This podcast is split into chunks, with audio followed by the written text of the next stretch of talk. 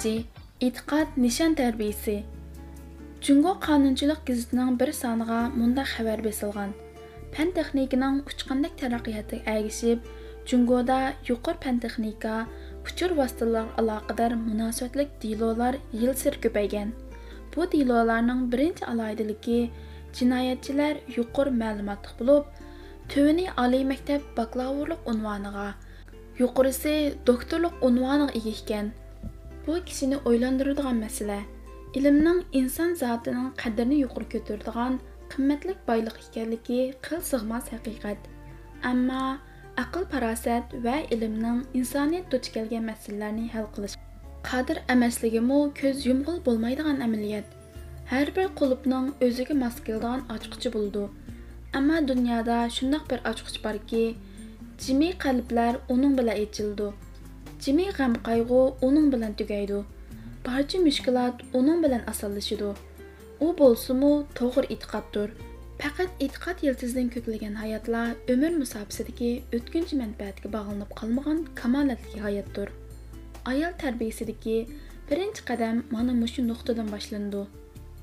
E'tiqodsiz ayol omonatga xiyonat qildi. E'tiqodsiz ayol pul uchun eng qimmatli narsalarni setib o'tadi e'tiqodsiz ayol dunyo uchun xorliqqa mubtilo bo'ldi. E'tiqodsiz ayol mukofot va jazoni naqdin izlagachga fidokorlik va qurbon berishning qimmatini va ajrini tushunmaydi. E'tiqodsiz ayol uchun qilsa bo'lmaydigan ish borsa bo'lmaydigan yer yo'q. E'tiqodsiz ayoldan bir farzandning xalqning qorong'uliq tunlarini ko'rimiz. e'tiqodsiz ayoldan Yüksək aqıllıqdınmı çıxış yolu tapalmagan cəmiyyətin xarabiliğini görürüz. Mükəmməl etiqad ayollara özünü söyüşni, qadrlashni, insonni söyüşni, mehr-muhabbət, vafa sadaqət, g'ayrat jasorat, oliy himmat, samimiyliklar ezguliklarni tugutib, ularni ko'z oldidagi moddiyatdan holqitib, cheksiz ma'naviyat lazzatlariga boshlaydi. Chin putunki biz orzu qilgan sharmiy hayolli qiz mas'uliyatchan ayol ulug' ana uningsiz borliq kelmaydi.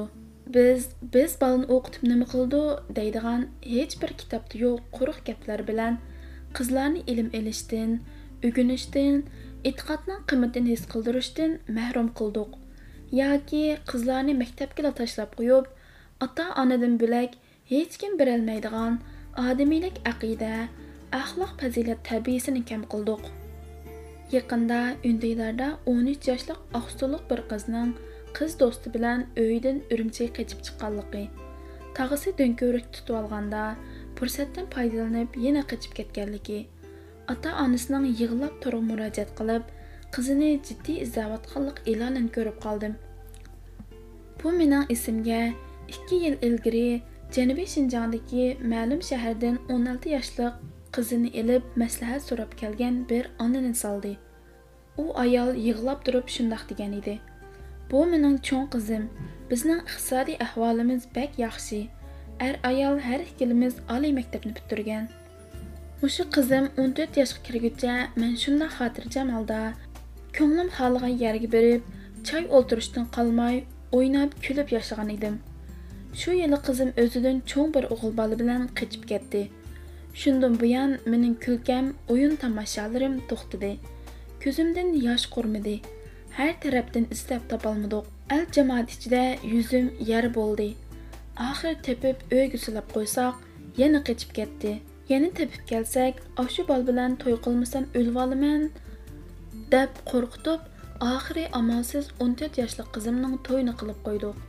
Bu yurak og'riqim, hasratim texi besilmay tursa, bir yil uy tutibla ajrashib uyga kelib o'ltirdi hiliqi bola ikki kunni bir yarashaman deb kelib olib uchur yo'llab bizga oromliq bermadi. Ko'zdan yiroq tursa qutulimizmikin deb bu yerga chiqdik yaxshiroq biror kasb o'ytadigan yerga biray desam girim qilishni o'ginaman deydi qizg'a sap soldim. Yo'tisini aran yopgan qisqa ko'ynak bilan qiniq girim qilib olgan. Asli yeshidan xilil cho'ng ko'rinadi. Hər iki anağa içim ağırdı. Amma bu iç ağırtış ularning farzandiga eng zurri tarbiyani berolmagan, qizlarni shaytonning vasvasasi va hayotning rangarang izzat qullaridan qo'g'dab, izzat hurmatlik baxtiyor hayotga ega qilolmagan xatoligini yopolmaydi bu man yoqtirgan kichkina misol atrofimizda harang sarang kiyinib topdan chiqayotgan qizlar erkinlik izlab ko'ngil xush izlab oilaning sirtiga o'zini aytayotgan ayollar to'lib turibdi deyishdan tilimiz ko'ysimu diyorimizdan eshib shahar otlab ichkirning mehmonxona tangsixonlarida mulozimat qildigan poyish ayollar oz emas jamiyatshunoslar psixologlar qonunshunoslar ma'rifshunoslar yuqorqi hodislarni balkim turli nuqtalardan tahlil qilishi mumkin ammo bu qo'shimcha sabablar haqiqat shuki musibatlarimizning yildizi ayollarimizga hayotning yana bir yuzini ko'rsatib beralaydigan aqidani tiklayolmaganligimizda so'zimiz bilan amaliyatimiz bilan hayotimiz bilan uni singdirolmaganligimizda. Ikkinchi mas'uliyat majburiyat tarbiyasi. Yer sharilishish va iqtisodiy taraqqiyot bizning turmush shaklimizga oz bo'lmagan o'zgarishlarni olib keldi. Ayollarning maktablarda o'qish erlarga o'xshash turli ijtimoiy xizmatlarga qatnashish imkoniyati kengayib sirt bilan bo'lgan aloqasi quyuqlashdi buning bilan kasb va xizmatni eng muhim o'ringa qo'ygan oila va farzandga bo'lgan mas'uliyat eng ojizlashgan ayollar atrofimizda ko'payishga boshladi ayollar oilada herib charchaydigan ichi pushadigan bolasining tugumas jafolardan qutulish uchun oyga chiqqudek bo'lganni yashliga yattigimi to'shmaganni oldirab tayyorliq sinfga berib orom topadigan yosinib jabdunib sirtqa chiqsa choyga borsa boshqacha ruhlanib xushollanadigan g'ayri normal psixika ayollarimiz ovib qoldi. Hammadan yomon bo'lg'uni mushundoq normalsiz qilmish ijobiy ahvol sifatida tunishtirildi. Oilasini tashlab o'zini kasbga xizmatga otayotgan ayollar sharaf munbarlaridan o'rin oldi.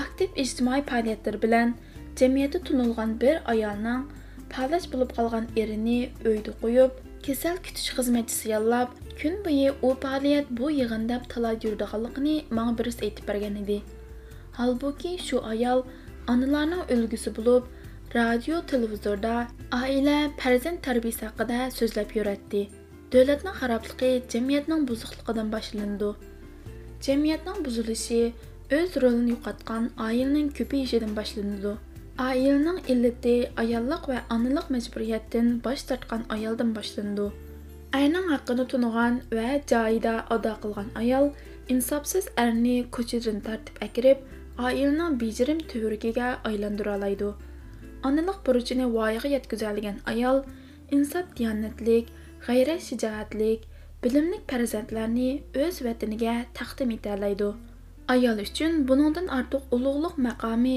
va muvaffaqiyat bo'lamdi hayotda qilishga tegishli nurg'un ishlar bo'ldi ammo bular muhimlikda qimmatda ahamiyatda o'xshash darajada emas.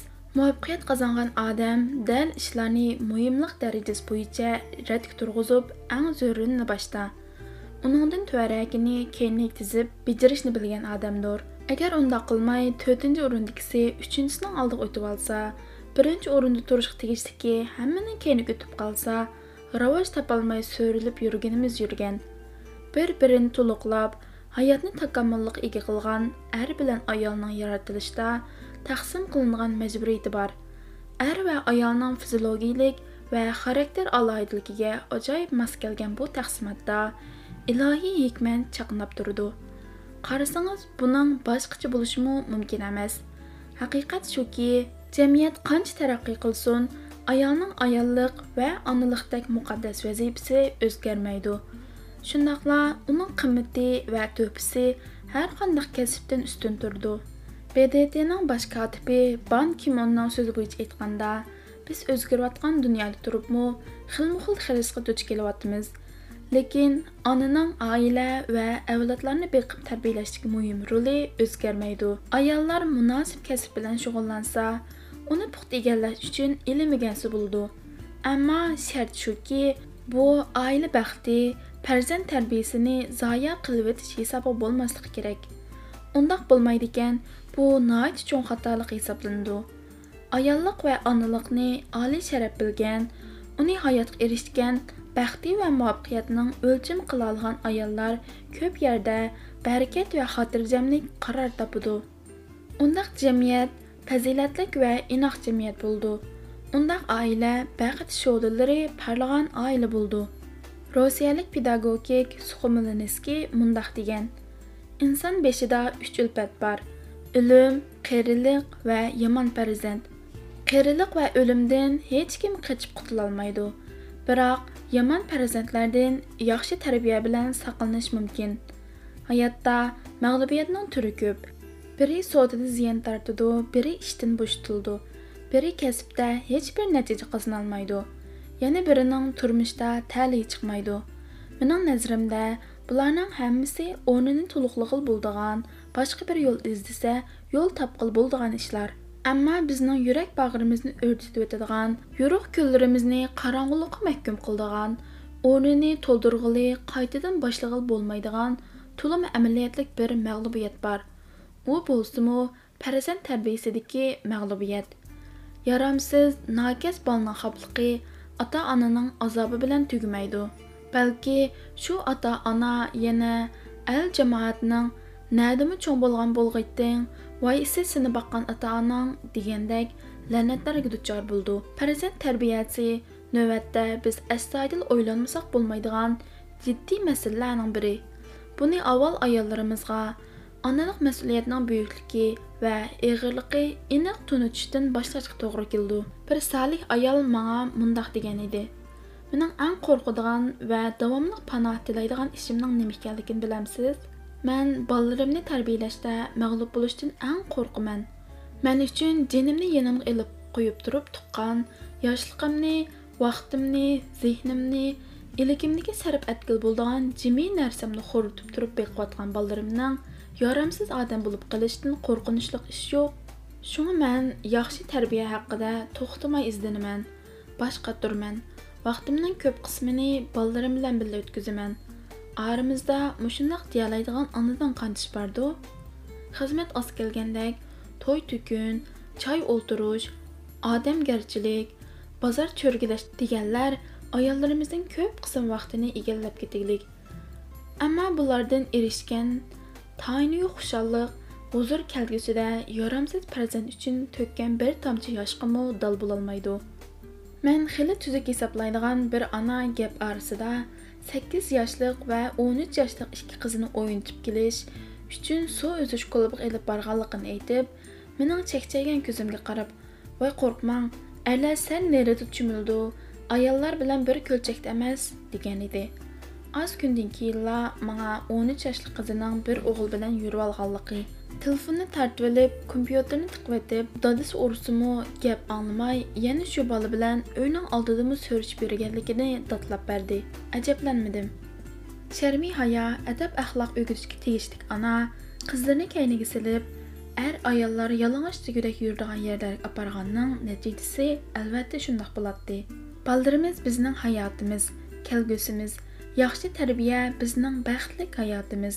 nurliq kelgusimiz yomon tarbiya bo'lg'usi qayg'u alamlarimiz ko'z yoshlarimiz vatan oldidagi boshqalar oldidagi xatoligimiz demoqchi bo'lganim ayollarimizning hayot mezonida eng muhim birinchi buruch ayollik va onalik bo'lsin ayollarimiz ayolga bo'lgan izzat hurmat martaba va baxt huzurning halollik va diyonat buyishki qilib qurib chiqolgan oila albatta mamnun bo'lg'ida qilib tarbiyalagan farzand bilan bo'ldiganligini tushunib yetsin va shu ulug'liq maqomiga yetish uchun jimiy narsasini sarf etsin